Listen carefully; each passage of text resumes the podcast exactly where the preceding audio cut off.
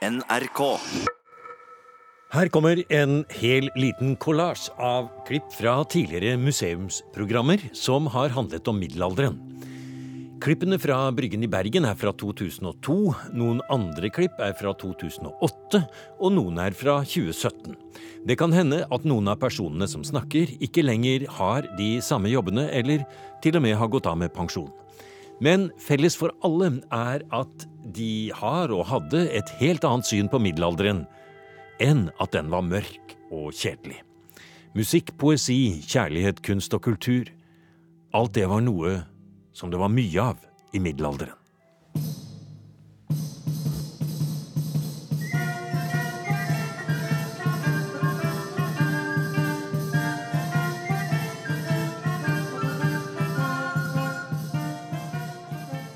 Jeg syns man skal se sammenhengen mellom oss i dag og middelalderens mennesker. Og kanskje så var det ikke så annerledes enn oss. For de tok jo i bruk alle elementer, kirken den gangen. De tok i bruk lysene, sant? de tok i bruk altså øynene. Vi kunne også lukte, for vi kunne lukte røkelsen. Det var liksom litt mer frodig på en måte enn da Martin Luther kom, og ordet ble det viktigste. For da blir det liksom bare ørene som blir igjen.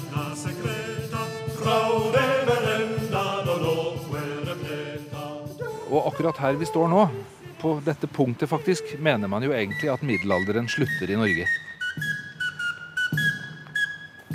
Lyse kloster ved Bergen og domkirkeruinene på Hamar har det også stått planter som har stått der ifra middelalderen.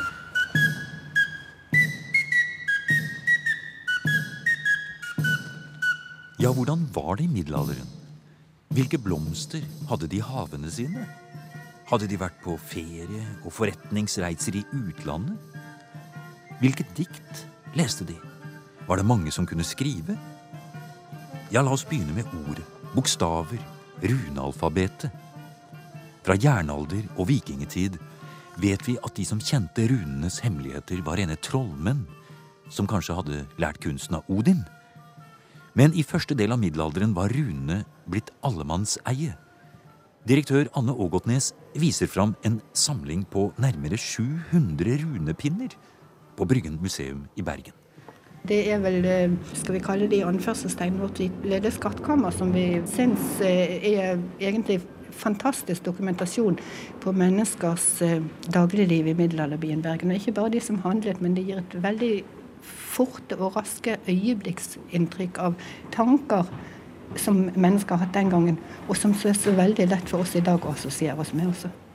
De er ikke funnet ute på Bergenhus, på Kongsgården eller i kirken, men midt i den profane bebyggelsen i middelalderens Bergen. Der hvor vanlige folk bodde. Det må vel bety at det å skrive og lese runer var blitt helt alminnelig på 1200-1300-tallet.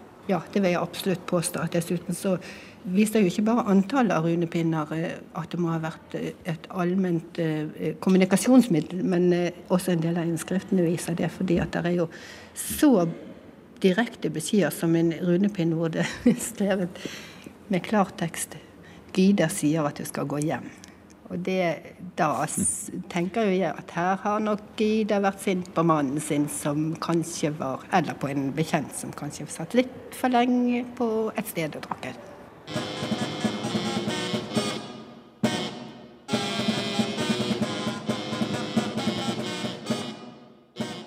Og ikke nok med at runeskrift ble brukt på puben og i dagliglivet.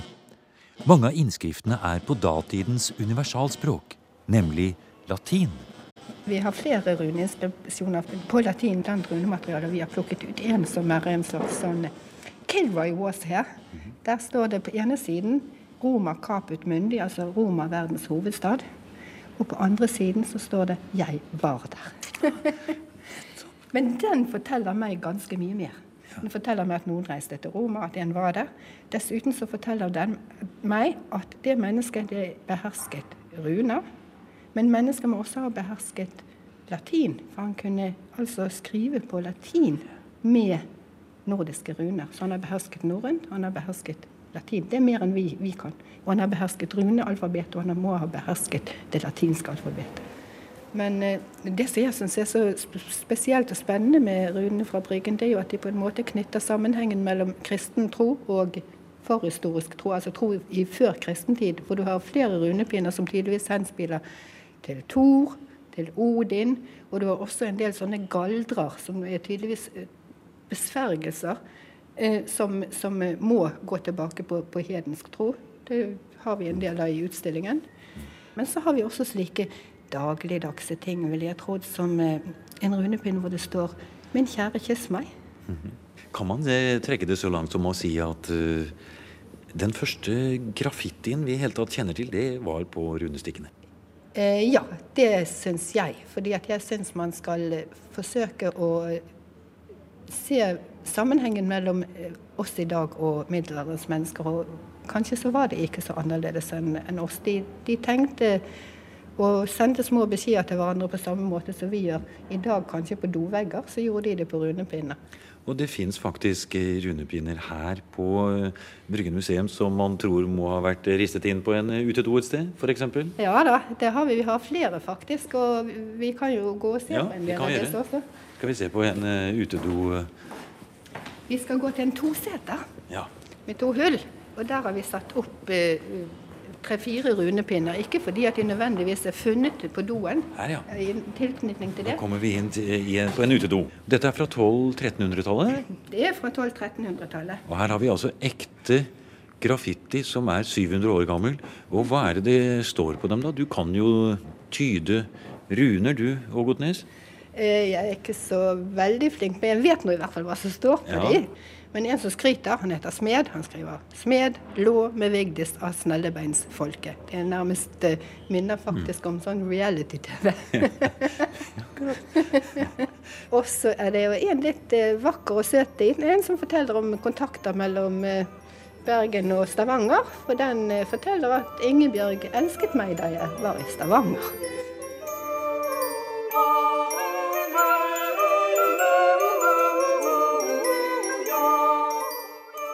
Do-graffiti, handelsbrev og dagligdagse beskjeder. Vel, men hva med datidens mer avanserte smak og dannede tone? Da skal vi ned i magasinet og lete etter en utslitt sko, selve juvelen i kronen for museet på Bryggen i Bergen. En sko er der, ja. Den er en av de fineste tingene vi har her på museet, syns jeg, da. Vi ser en såle, ja den, vi, den er jo litt fillete. Og så ser vi et overlær som har vært festet til, til sålen. Og hvis du ser på det overlæret, så er det fullt av runer tegnet med dobbeltstrek. Og selv om skoen ble slitt og velbrukt allerede i tidlig middelalder, kan Ågotnes se at runene har blitt kjærlig brodert inn med silketråd i fine farver fra Orienten.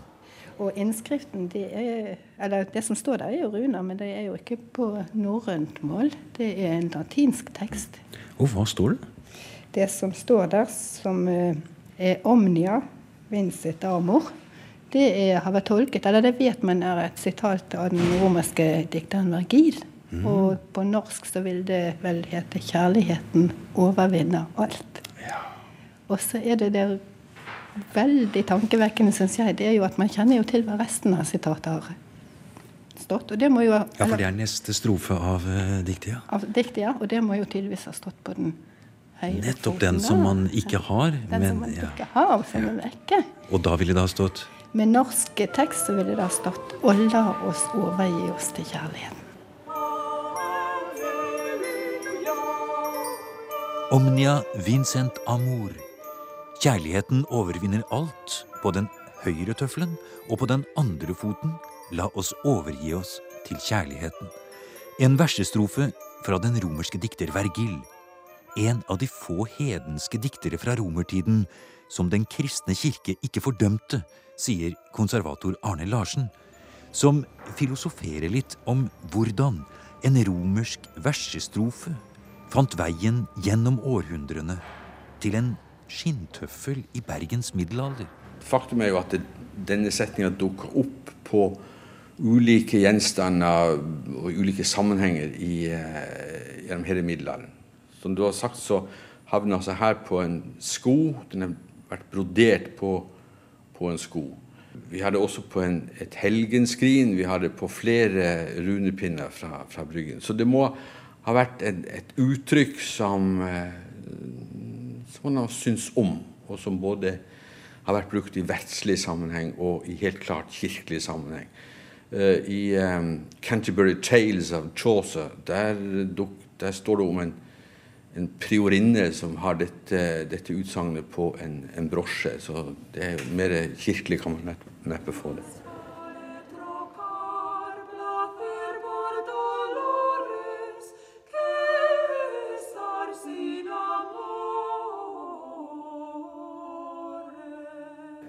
Du hører meg bedre hvis jeg taler slik. Da er det enklere å høre hva jeg sier, slik har det vært i middelalderen. Dette er bakgrunnen for messesangen. Siden utvikler det seg til sang, til sangkunst og til liturgi, som prestene etter hvert mestrer i dette rommet. Og det er klart at det har vært en vidunderlig opplevelse å høre messen sunget. Ved tolv forskjellige altere i tur og orden oppover her, ved høyalteret og på høytidsdagene når alle klosterbrødre og prester var samlet.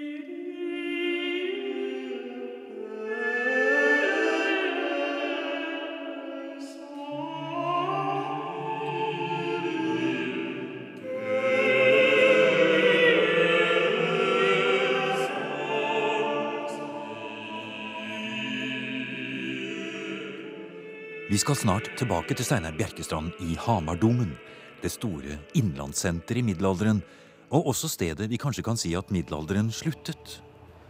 Men la oss først reise til det viktigste av alle steder i Nordens kirkeliv for 800 år siden. Nå går vi utover på den store plassen foran eh, Nidarosdomen, og erkebispegården ligger jo der til høyre når vi står nå og ser mot eh, den store fasaden.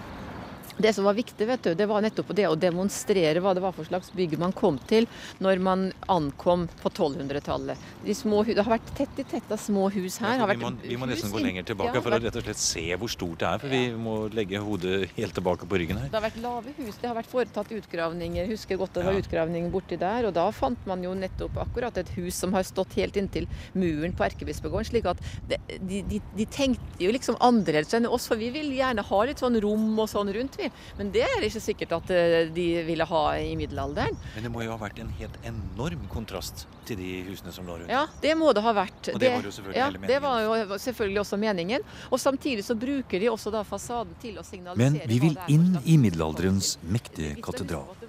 Og sammen med Tove Søreide går vi opp ved koret. Hvordan ville det ha sett ut her i middelalderen? Vi hadde, hadde sett annerledes ut. fordi vi hadde jo aldri fått lov å stå der hvor vi står nå. For vi står jo i koret. Den betegnelsen henger jo tilbake igjen helt fra middelalderen. Det var her koret var, og det var her de kirkelige ansatte var. Altså det var bare kirkens folk som fikk være inne i denne delen her.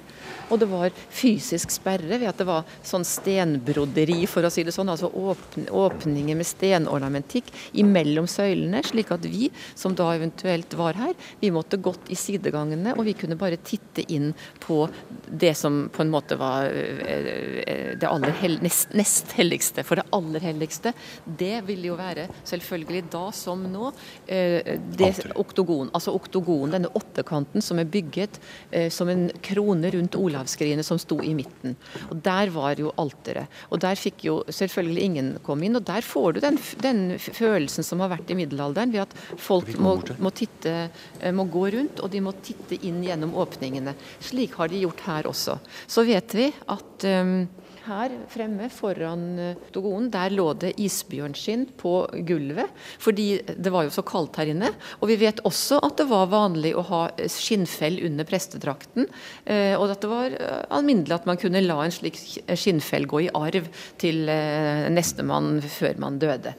Og vi har hvis vi hadde vært her, så hadde vi måttet vært ball aller, aller bakerst i skipet.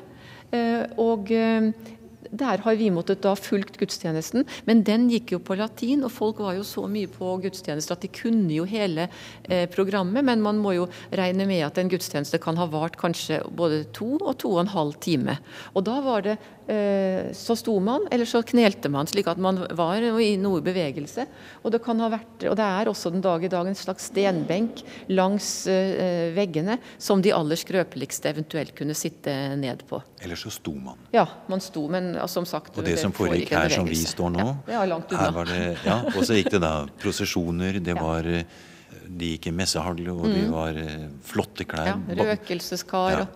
For de tok jo i bruk alle elementer, kirken den gangen. De tok i bruk lysene. Sant? De tok i bruk altså øynene. Vi kunne se de fantastiske glassmaleriene. Vi kunne se lysene som brente. Vi kunne se alt det vakre. Vi kunne også lukte, for vi kunne lukte røkelsen. Det var liksom litt mer frodig på en måte enn da Martin Luther kom, og ordet ble det viktigste. For da blir det liksom bare ørene som blir igjen.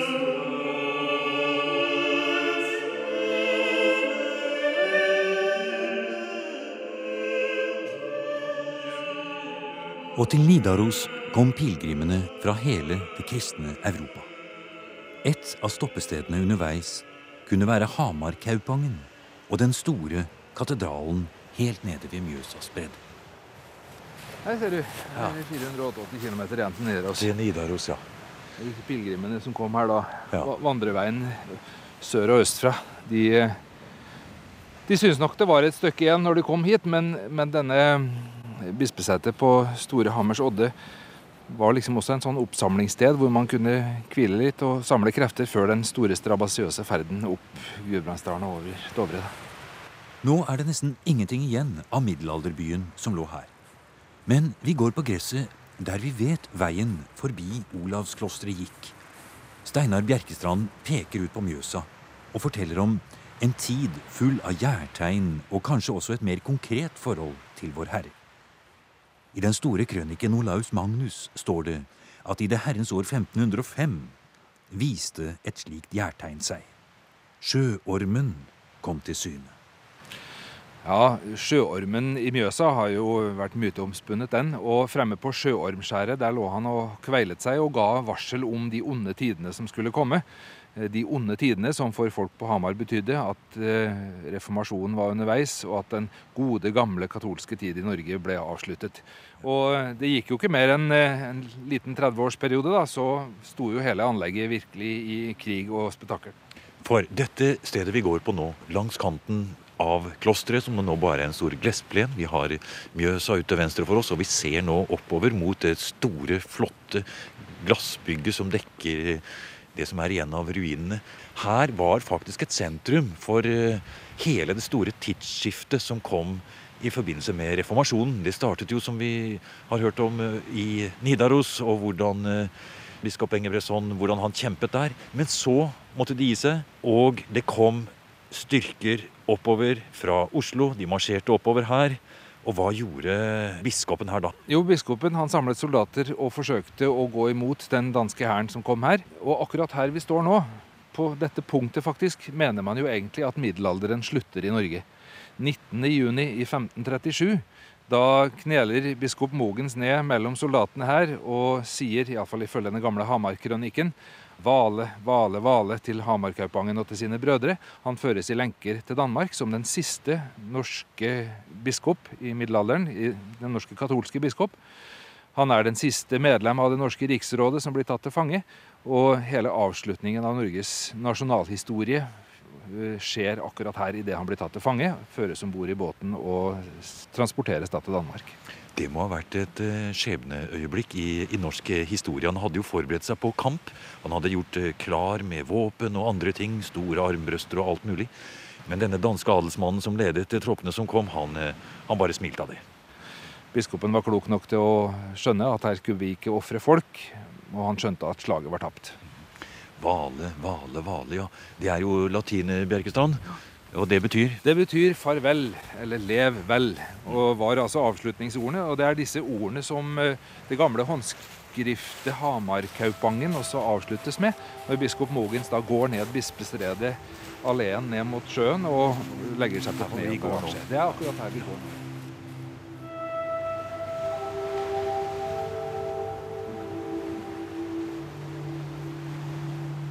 Reformasjonen eh, var ikke noen populær sak i Norge.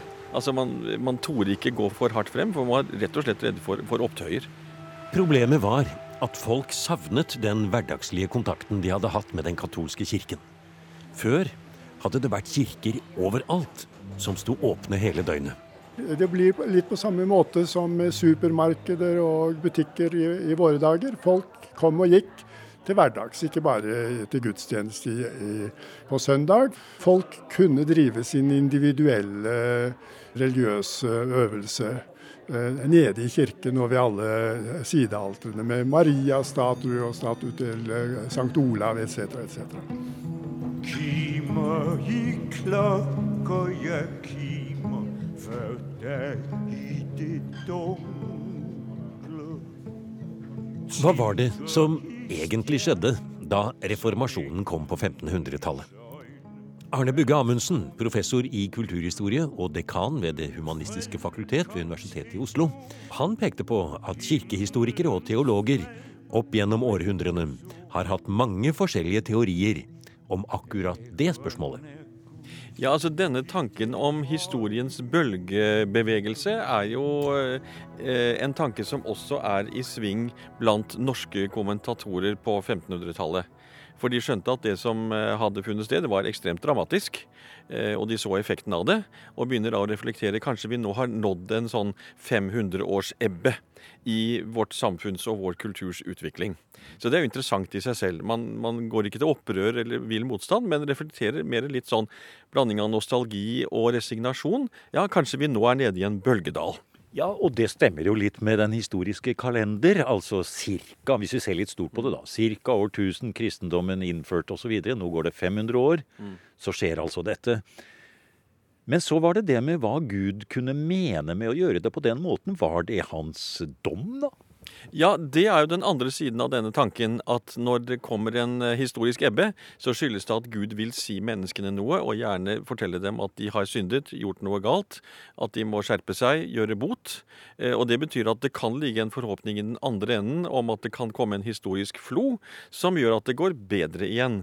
Men, men det er en forestilling om Guds tale og inngripen i historien som jo er fremmed for oss, men som var ganske levende for datidens eh, tenkere. altså. Og nå kommer biene fra Lysebu inn her over oss, men vi er litt rolige og lar de bare summe videre. Eh, andre historikere som jo er kjent i den norske vitenskapshistorien, som P.A. Munch og Sars osv. Når vi nå er på det punktet på hvordan andre tidligere har bedømt reformasjonen, hva mente de? Vi kan jo starte med Petter Andreas Munch, som jo er en av de første store norske historikerne i akademisk forstand. Han eh, skriver noen lærebøker i 1830-årene hvor han kommenterer eh, på disse tingene. og Dermed så får han jo også et betydelig gjennomslag i, i norsk allmenn tenkning, for å si det sånn. Eh, og han er opptatt av at kristendommen selvfølgelig er en god ting. Og han er en praktiserende luthersk kristen, så han kan heller ikke si at lutherdommen er en gal ting. Men han er opptatt av at da den lutherske reformasjonen kom til Norge i 1536-37, så kom den i utide, som han kaller det. Altså den kom for tidlig, den passet ikke med folkets og nasjonens historiske utvikling. Så han har en forestilling om at kanskje tiden er kommet for å gjennomføre en ny reformasjon etter 1814, for da har nasjonen funnet sin form. Folket begynner å få en røst. Da, sier han, er det kanskje tiden for å realisere reformasjonsprosjektet i Norge for alvor. Og da er vi jo liksom 300 år etterpå. Ja. Så, så, det er en, en, veldig interessant historiekonstruksjon, det også. Ja, og da, har, da må vi jo nesten nevne altså Hans Nilsen Hauge, som jo da hadde gjort sin virkning. Ja, altså Hans Nilsen Hauge er jo selv en som reflekterer historisk. Han skriver på slutten av sitt liv en ganske stor kirkehistorie, en, en verdens kirkehistorie, hvor han plasserer seg selv og sin egen bevegelse inn i utviklingen. Eh, og han mener at eh, hans egen bevegelse er et bidrag til å realisere kristendommen i Norge. Men så har han en interessant passus. Fordi han ser at hans bevegelse nok kan eh, ha et visst gjennomslag i det norske samfunnet, men han er pessimist i forhold til om den kan lykkes i å nå helt frem.